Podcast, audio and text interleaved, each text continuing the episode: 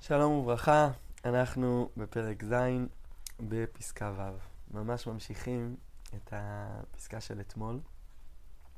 חוסר התורה הוא הגיהינום בעצמו. כאן הרב מסביר את זה כל כך חד, ממש את ההמשך של הפסקה של אתמול. המרחק מהתורה זה הגיהינום. זה לא כמו, זה זה. המקום הזה שבו אני רחוק מריבונו של עולם. ורחוק מתורתו, זה הגיהנום. אלא מה? בעולם שלנו, עולם של הסתרות. העלם, עולם מלשון העלם, עולם של הסתרות.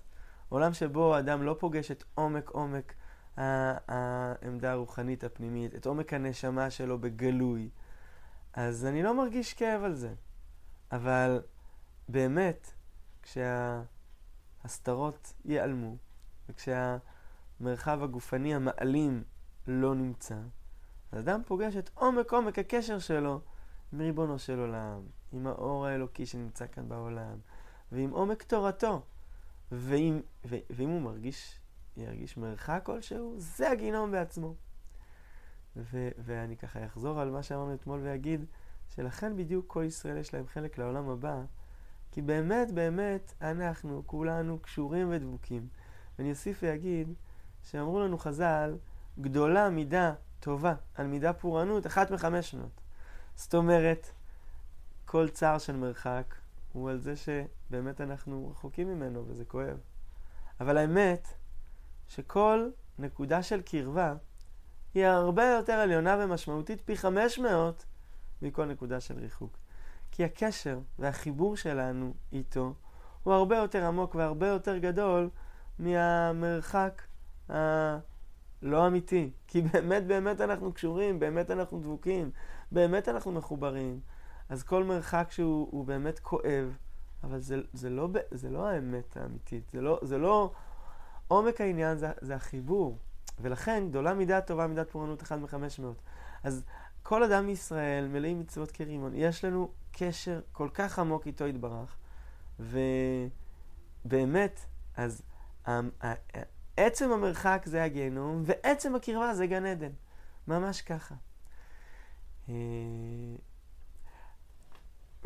ונמשיך לקרוא, ושטף הרצון החיצוני שנגד הרצון הפנימי הוא מצרי הגיהנום.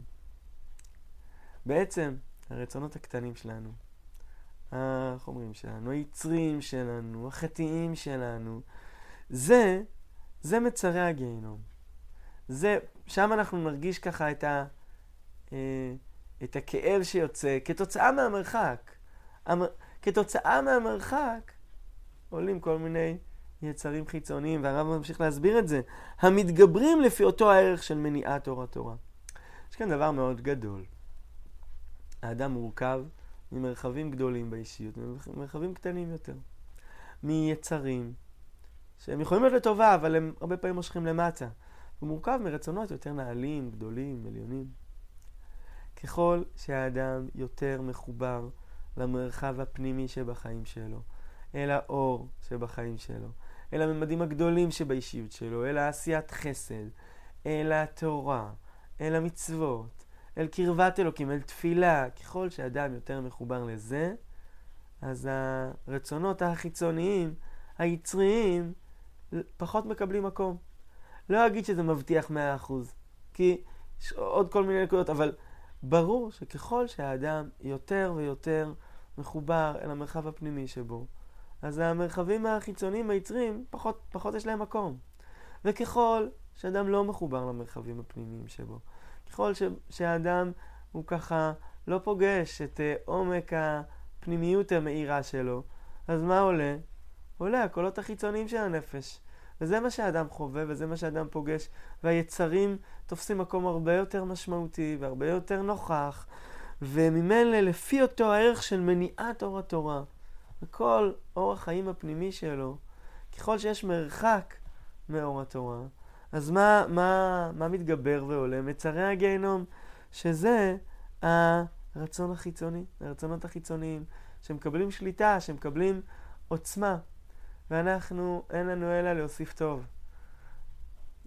צריך להילחם גם ברע בנפש, אבל בעיקר צריך להוסיף טוב. כשאני הולך ומתחבר אל המקומות העמוקים, המאירים שבי, אל הטוב שבי, אל הקשר שלי לתורה, ולימוד תורה, ומצוות, אז אני קשור אל המרחב חיים הפנימי.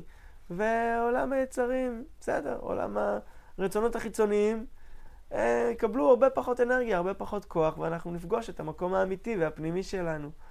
בעזרת השם, יום טוב.